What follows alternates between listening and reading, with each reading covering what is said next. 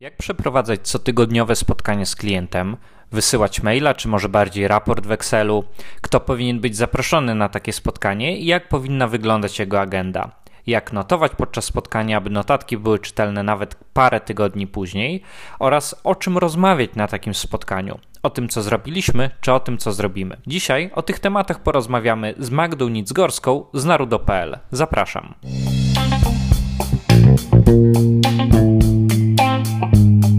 Cześć, ja nazywam się Karol Wójciszko i witam Cię w podcaście Według Planu, w którym mówię o IT. Głównie skupiam się na dokumentacjach, wycenach projektów, zarządzaniu zespołem i projektami. Podcast od praktyka dla praktyków. Zapraszam. Cześć Magda, jakbyś mogła powiedzieć nam kilka słów o sobie i się przedstawić. Cześć, jestem Magda i jestem project managerem i analitykiem IT. E, w pracy pomagam głównie małym i średnim firmom w prowadzeniu projektów. Mm, co może być dla niektórych ciekawe, nie pracuję na etacie, tylko pracuję z kilkoma różnymi firmami, którym właśnie w prowadzeniu projektów pomagam. A po godzinach prowadzę stronę narudo.pl, gdzie piszę o zarządzaniu czasem, organizacji, planowaniu, zarządzaniu projektami i wszystkim, co jest związane z tym tematem. Mhm. Więc zapraszamy wszystkich na narudo.pl. A jakbyś mogła nam jeszcze powiedzieć, jaka książka wywarła na ciebie największy wpływ? E, tu się chwilę zastanawiałam, bo oczywiście mówimy o zawodowym wpływie, prawda? Niekoniecznie. Jeżeli wiesz, jest jakaś pozazawodowa, to też na pewno ciekawa. Ale myślę, że zacznijmy od tych zawodowych i tutaj mam dwa typy. E, zdążyć przed terminem Toma DeMarco i projekt Phoenix. Obie mhm. to są e, powieści o zarządzaniu projektami, czyli coś, co się czyta bardzo fajnie, bardzo lekko, a mimo to kończysz czytanie z wieloma refleksjami e, na temat swojej pracy czy swoich błędów e, popełnianych na co dzień. Mhm. Ja Bo, tak, tak, tak? Soki. Mów, mów. Ja, ja, takie powieści też właśnie bardzo lubię o teorii ograniczeń ostatnio taką czytam. Mam tylko jeden problem z takimi powieściami, że później ciężko odnaleźć fragmenty, do których chce się wrócić. Można oczywiście robić jakieś zakładki i tak dalej, ale wiesz, jednak ciężko tą wiedzę tak, nie jest tam tak dobrze skategoryzowana. No tak, to nie jest podręcznik, ale mimo wszystko to jest e, takie fajne oderwanie się od właśnie kolejnego artykułu czy podręcznika i pozwala nawet tak troszkę nabrać perspektywy. Ja ostatnio czytając projekt Phoenix, właśnie co kawałek było, no tak, przecież to jest dokładnie tak, jak na tym projekcie, czy tam na innym mhm. e, robiliśmy, czy nie robiliśmy, albo dlaczego nie zrobiliśmy tego, co oni w tej książce, tak? Mhm. Także to jest bardziej takie spojrzenie z dystansu na, na swoją pracę czy innych pracy niż podręcznik, ale faktycznie ciężko później nawet wrócić do jakiegoś konkretnego cytatu, jeśli się chce coś pokazać komuś. Mhm. Ja na pewno sobie dodam do przeczytania te dwie pozycje, które wymieniłaś. Mm, a teraz może tak, Magda, żeby, żeby dobić do brzegu. E, dzisiaj spotkaliśmy się po to, żeby porozmawiać o tym, jak wykonywać status call z klientem, czyli jak raportować mu o postępie prac, ale też myślę, że zdradzisz nam trochę więcej wskazówek na temat tego ogólnie, jak przeprowadzać spotkania, żeby były produktywne. Postaram się.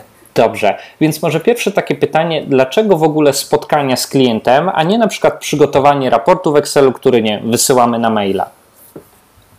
E, bo warto rozmawiać. Myślę, że to jest najlepsze podsumowanie. Raport to będą tylko suche tabelki, to jest coś dobrego dla zarządu, żeby mógł sobie zarząd zobaczyć, że wszystko idzie zgodnie z terminem, że się cyferki czy tam wykresy zgadzają, że wszystko jest na zielono, bo mhm. wiadomo, że do tego zmierzamy. I takie raporty też są oczywiście potrzebne, bo nie każdego będzie interesowała taka nasza operacyjna codzienność. Ale takie status quo, czy z klientem, czy też wewnętrzne z zespołem, pozwalają nam, e, wydaje mi się, zachować taki bieżący kontakt i tak na poziomie operacyjnym wypracować relacje. E, dzięki takim spotkaniom klient będzie e, uspokojony, ten zespół, który pracuje po drugiej stronie, będzie wiedział, że wszystko idzie zgodnie z planem, a problemy będą rozwiązywane tak na, na bieżąco. I to nie musi być bardzo często, raz w tygodniu. To może być dopasowane do wielkości zespołu, do jego dynamiki, do wielkości całego projektu. Przecież jak projekt trwa e, lata, bo i takie projekty się w IT zdarzają, to e, być może spotkania cotygodniowe z klientem będą za częste. Także to trzeba e, dopasować, być elastycznym, a mimo to warto, e, uważam, że warto takiej, e, taką relację budować i pracować nad tym, żeby klient był spokojny i zadowolony. Mhm. A tutaj co byś bardziej rekomendowała? Czy, czy, czy jakby robienie tych spotkań cyklicznie co jakiś czas, czy bardziej po jakimś konkretnym wydarzeniu? Tutaj bardziej mi chodzi o regułę, jak te spotkania planować. Tak, to może zacznę najpierw od tego, że to nie musi być cotygodniowe spotkanie, to może być co dwa tygodnie, może być e, jeszcze rzadziej, jeżeli projekt jest e, bardzo, bardzo długi i, i nie jest to potrzebne aż tak często. E, także tą częstotliwość radziłabym raczej dopasować do tego właśnie, jak duży jest projekt, jak duże i liczne są zespoły, które pracują po obu stronach i jak dynamicznie zmienia się otoczenie, pojawiają się problemy do omówienia, bo jeżeli e, będziemy się spotykać co tydzień, a tak naprawdę nie będziemy mieć o czym rozmawiać, no to nie jest to do końca e, dobra sytuacja, tak? A dlaczego w ogóle takie spotkania, a nie raport w Excelu? Bo e, warto rozmawiać. E, raport to będą zawsze tylko suche tabelki to jest coś, co jest dobre właśnie dla zarządu, dla menedżerów. Oni będą mogli sobie na podstawie tego zobaczyć, czy wszystko idzie w terminie, czy wszystkie słupki są na zielono, czy, czy wszystko jest ok. I to też jest potrzebne, dlatego że e, często w firmach osoby, które nie biorą udziału w projekcie, są zainteresowane jego statusem, więc ich nie interesują jakieś takie operacyjne problemy. Oni chcą tylko słyszeć, że jest ok, i po to są te raporty. A po co y, takie spotkania, o których mówimy? Po to, żeby y, obie strony były na bieżąco, na takim operacyjnym poziomie, bo zawsze gdzieś po drugiej stronie naszego projektu jest zespół klienta, który musi nam dostarczyć informacji, musi dostarczyć nam różnych materiałów. I, I dzięki temu, dzięki takim spotkaniom, możemy na bieżąco rozwiązywać problemy, które pojawią się właśnie w takich operacyjnych y, sytuacjach, tak? ktoś e, czegoś komuś nie dosłał, być może jakiś błąd nie został naprawiony w terminie i należy o tym porozmawiać. Może coś warto omówić na żywo e, czy zdalnie, ale w czasie rozmowy, a niekoniecznie wymieniać piątego maila. Także to są spotkania, które pozwalają trzymać rękę na pulsie, budować relacje i sprawniej rozwiązywać problemy. Mhm. Czyli tutaj z Twojej perspektywy y, status kole głównie po to, żeby właśnie budować tą relację, a te raporty bardziej wykorzystujesz jakby do informowania o postępie projektu ludzi, którzy nie uczestniczą na co dzień w tym projekcie, tak? Tylko jakby interesuje ich bardziej budżet i takie rzeczy, no nie wiem, bardziej metryczne. Myślę, że tak należy to rozumieć, bo naprawdę nie zawsze e, jakiegoś dyrektora czy prezesa firmy, dla której robimy projekt, będzie interesowało to, że ktoś komuś na przykład nie odpisał na maila, a to w tej chwili ważna dla projektu sprawa. Mhm. Jego na końcu interesuje, że dany etap, zakres, e, sprint, to już zależy jak to sobie nazwiemy, zostało przygotowane w terminie, wszyscy są zadowoleni, mo można odebrać projekt. Mhm. A powiedz mi, jak się przygotować do takiego spotkania?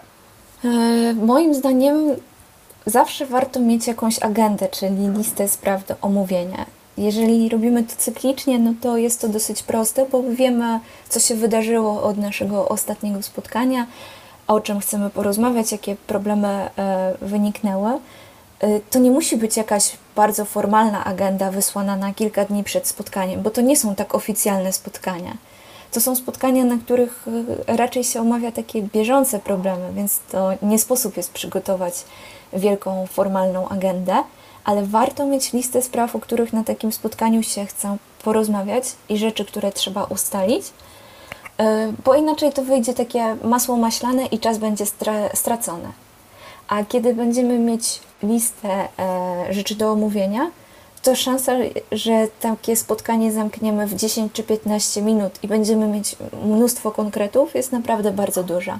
A tutaj chodzi Ci o taką listę, która wygląda co tydzień tak samo, na przykład, nie wiem, omówienie modułu X, omówienie modułu Y, czy bardziej chodzi Ci o taką listę, która powstaje jakby od ostatniego spotkania z problemami i rzeczami, które chcemy zakomunikować? Wiesz co, spotkałam się z, i z jedną, i z drugą praktyką. Kiedyś brałam udział w takim e, bardzo złożonym projekcie, to jeszcze jako deweloper na, gdzieś na początkach mhm. e, mojej kariery w IT. E, I pracowałam w firmie, która była jednym z bardzo wielu dostawców e, w bardzo naprawdę złożonym projekcie. Tam było mnóstwo systemów, mnóstwo integracji, mnóstwo powiązań.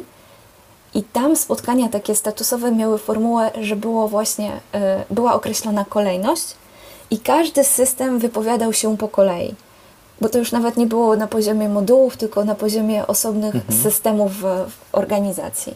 I to było e, rewelacyjne, jak się tego słuchało, dlatego że każdy czekał na swoją kolej, każdy wiedział, po kim ma się wypowiedzieć. I mimo, że w takim spotkaniu e, brało udział nawet ze 30 osób, bardzo możliwe, i to jeszcze było przed czasami y, Zooma, mhm. Teamsów mhm. i tym podobnych narzędzi. To było na takich stacjon... My używaliśmy stacjonarnych, takich wielkich telefonów do wdzwaniania się na telekonferencje. Mhm. A mimo to, y, że nie było szansy się zobaczyć, nie było szansy, jak, nie było tylu narzędzi, które wspierają komunikację jak teraz, to szło tak sprawnie, system za systemem każdy się wypowiadał, jak trzeba było coś omówić, to y, problem był podnoszony, i takie spotkanie, mimo takiej ilości uczestników, tylu systemów i tylu złożonych problemów, było tak szybkie, że naprawdę z perspektywy czasu oceniam rewelacyjne podejście. Mhm. A z drugiej z... strony. Tak? tak? Nie, nie, proszę dokończyć. E, z drugiej strony, teraz na przykład pracuję e, w dużo mniejszym w porównaniu do tego projekcie i takie spotkania e, nasze wyglądają w ten sposób, że przez tydzień zbierają się różne tematy, różne na przykład zgłoszenia z systemu zgłoszeń, jakieś maile, które gdzieś tam się pozbierały, o których warto porozmawiać. I ja zawsze robię sobie przed takim spotkaniem przegląd, że aha, tutaj coś za długo czekamy na odpowiedź. O, a tutaj jest coś, co deweloperzy chcieli wyjaśnić na żywo, żeby już skończyć e, wyjaśnianie w systemie. I, I w ten sposób mam taką listę i e, najpierw omawiamy tematy z mojej listy, potem jest jeszcze oczywiście moment, czy ktoś jeszcze ma jakąś sprawę i jeśli to wszystko, to kończymy i wracamy do, do swoich zadań. I oczywiście teraz wszystko robimy zdalnie, więc mhm. takie spotkanie zajmuje nam czasami nawet tylko 15 minut. A to miałaś jakieś doświadczenia w takich spotkaniach face to face? E, zdarzało się, też miałam okazję w takich uczestniczyć. I tu zauważ jakąś nie wiem, różnicę, czy te zdalne, albo może te fizyczne są bardziej, czy któreś są bardziej produktywne? E, fizyczne na pewno są bardziej wymagające, dlatego że zawsze trzeba dojechać na miejsce spotkania. E, one, nie oszukujmy się, wybijają z rytmu, cały dzień trzeba pod nie ułożyć i, i to godzinne spotkanie czasami wymaga na przykład dwóch godzin dojazdu na miejsce. Mhm. Więc już samo to jest e, pewnym utrudnieniem. Ale też e, myślę, że po takim półtora roku wyłącznie pracy zdalnej, wiele osób ma już taką potrzebę, żeby jednak spotkać się na żywo, e, szybciej rozwiązać problemy, móc pokazać sobie coś palcem, a nie przełączmy się tutaj, bo tu mogę Ci udostępnić ekran, a nie poczekaj, to Ci wyślę mailem. E, spotkania na żywo mają swoje zalety pod tym kątem. Że zwłaszcza jeżeli potrzebujemy takiej warsztatowej formy, to myślę, że w wielu przypadkach więcej uzyskamy w spotkaniu na żywo. Mhm.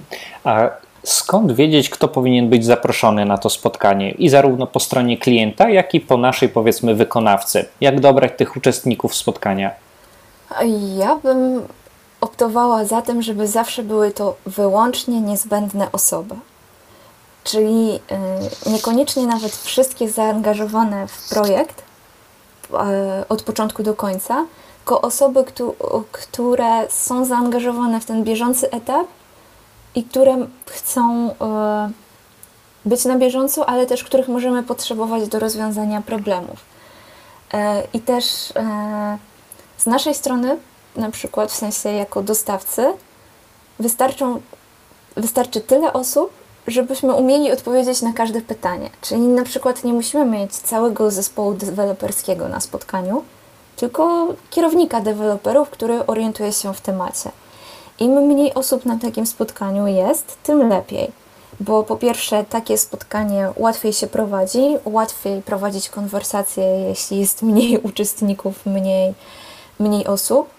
A po drugie, pozostałe osoby nie są odrywane od pracy i mogą się zajmować e, swoimi, swoimi rzeczami. I tak samo po drugiej stronie trzeba pamiętać, że bardzo często osoby po stronie klienta, które są oddelegowane do naszego projektu, to są osoby, które na co dzień zupełnie czymś innym się zajmują. Mają swoje obowiązki, a ten projekt jest ich dodatkowym e, zadaniem. Więc im więcej osób oderwiemy, tym więcej osób będzie potencjalnie sfrustrowanych tym, że nie może robić swoich codziennych rzeczy. Mhm. Teraz kolejne pytanie tak naprawdę miałem o agendę, ale to sobie trochę w trakcie odpowiedzieliśmy, że właściwie agendą są sprawy bieżące, ale może mogłabyś nam powiedzieć, czy lepiej skupiać się na tym podczas rozmowy, co zrobiliśmy, czy na tym, co zrobimy? Myślę, że i na tym, i na tym. Tak naprawdę zależy od tego, co robimy, jaki jest nasz projekt, bo pewnie klienta nie będzie interesowało, że zrobiliśmy jakiś fragment, którego nie może zobaczyć, ale ważne jest to, żeby w jakiś sposób ten postęp e, czy problemy pokazywać, tak? Czyli e, warto mówić o tym, co do tej pory udało się zrobić, jaki mamy plan na następny okres. No i oczywiście to sedno, czyli jakie pojawiły się problemy i co chcemy wyjaśnić, omówić, doszczegółowić. Mhm. I tutaj może jeszcze, jeśli chodzi o agendę, to nie zawsze musi wyglądać w ten sposób. Są przecież różne metodyki, które definiują to zupełnie inaczej. Są, będą zespoły, które pracują w skramie i które nie będą potrzebowały takich spotkań status coli, dlatego że będą miały ceremonie skramowe, w, który, w które zaangażowany jest klient i, i dzięki którym klient też jest na bieżąco, prawda? Bo będzie product owner, będzie demo, E, będzie jakaś retrospektywa i to też jest forma zaangażowania klienta. Także to nie chodzi o to, żeby gdzieś na siłę w naszą pracę wciskać e, spotkania statusowe po to, żeby wszystkich oderwać od pracy i żeby musieli wypełniać jakieś raporty, tylko o to, żeby pracować nad komunikacją i taką bieżącą informacją. Mhm. A tutaj, jak jesteśmy na tej bieżącej informacji, to mam nadzieję, że nie, ale czy zdarzyło Ci się przekazywać złe informacje o projekcie? I jeżeli tak, to w jaki sposób zrobić to, no nie wiem, dobrze, żeby klient nie zszedł na zawał? Myślę, że gdyby w projektach nie było złych informacji, to project managerowie nie byliby potrzebni. Bo tak naprawdę, dopóki wszystko się kręci, to rola project managera jest raczej taka e, może niepomijalna, ale niezauważalna, prawda? Mhm. A kiedy pojawiają się jakieś problemy e, czy złe informacje, to, to wtedy właśnie e, trzeba je wziąć na klatę. No i co mogę powiedzieć? Myślę, że po pierwsze nie warto ukrywać złych informacji, e, nie warto ukrywać opóźnień, nie warto ukrywać, że czegoś nie da się zrobić, no bo w końcu klient się o tym dowie. I tak, takie rzeczy się zdarzają i chyba nie ma projektu, w którym wszystko poszłoby na, na 100% dobrze. E, I, I chętnie, jeśli ktoś nigdy nie musiał przekazywać złych informacji, to chętnie poznam, gdzie jest taka praca. Chętnie dowiem się, gdzie można znaleźć taką pracę. E, ważne jest to, żeby właśnie E, mówić szczerze, bo wydaje mi się, że nie ma nic gorszego niż e, jakieś ukrywanie przed klientem złej sytuacji. Zwłaszcza, że nie zawsze to będzie też e, nasza wina. Są różne zdarzenia losowe. Podejrzewam, że wiele projektów zostało opóźnionych chociażby przez pandemię kwarantanny i niedostępność zespołu. I tutaj wszyscy jesteśmy ludźmi, nie ma, nie ma co ukrywać, nie ma co udawać, że jest do, dobrze. Warto, wydaje mi się, e, nawet o takich ryzykach, zagrożeniach czy złych informacjach mówić jak najwcześniej, żeby był czas na reakcję. Po to chyba nawet powstała cała dziedzina zarządzania ryzykiem, żeby właśnie nauczyć nas rozwiązywać takie problemy. A gdy już się stanie coś złego, to w jaki sposób o tym powiedzieć? Czy tutaj masz jakieś takie, nie wiem, wskazówki? Myślę, że mimo wszystko prosto z mostu, mhm. bez zbędnych wymówek, bez zbędnego tłumaczenia się. Znaczy, oczywiście zawsze warto po podać przyczynę, jeśli ona jest istotna, że nie wiem, mamy w projekcie opóźnienie powstałe, bo yy, tylko yy, nie ma, wydaje mi się, że nie ma sensu tworzyć wokół tego całej otoczki, jakiejś tajemnicy czy wyolbrzymiania po prostu powiedzieć, jak wygląda sytuacja, jakie możemy podjąć środki zaradcze i jaki to ma wpływ na, na nasz projekt. I to trzeba po prostu do tego przywyknąć, że czasem będzie trzeba powiedzieć klientowi, że na przykład czegoś się zrobić nie da, bo technologia nas ogranicza, albo że zrobienie czegoś y, będzie trwało dłużej niż e, wszyscy zakładali. Tutaj mówię już o takich y, po prostu ogólnie zdarzających się w projektach sytuacjach, a nie jakichś moich konkretnych przypadkach. Mhm. Ale właśnie o problemach trzeba rozmawiać i myślę, że im wcześniej, czym le tym lepiej. Mhm. Tu tutaj, myślę, też... tutaj myślę, że taką, przepraszam, że ci przerwę, taką ważną rzecz powiedziałaś, żeby wracać z tym planem zaradczym. Tak jakby ze swojej perspektywy dodam, że mm, po przekazaniu złych informacji zazwyczaj dobrze powiedzieć, jaki my mamy na to plan, to to zazwyczaj bardzo uspokaja klienta. Dokładnie, no bo jeżeli pójdziemy do klienta i powiemy, ojej, coś nam nie wyszło i nie wiemy co dalej, mhm. no to nie jest to zbyt dobra postawa. Ale jeżeli powiemy, że e, okej, okay, coś poszło nie tak, ale jeśli zrobimy to, to, to i to, to opóźnienie będzie nie mniejsze niż tydzień, albo może nawet nie będzie go wcale, bo nadrobimy to w taki czy inny sposób. Znaczy ja tu mówię o opóźnieniach, bo chyba to najłatwiej sobie mhm. każdemu mhm. wyobrazić, ale to nie zawsze będą opóźnienia. Czasami będzie to jakieś właśnie ograniczenie technologiczne, a czasami nie wiem, niezadowolenie którejś ze stron z jakiegoś zupełnie błahego powodu, mhm. co też się może zdarzyć.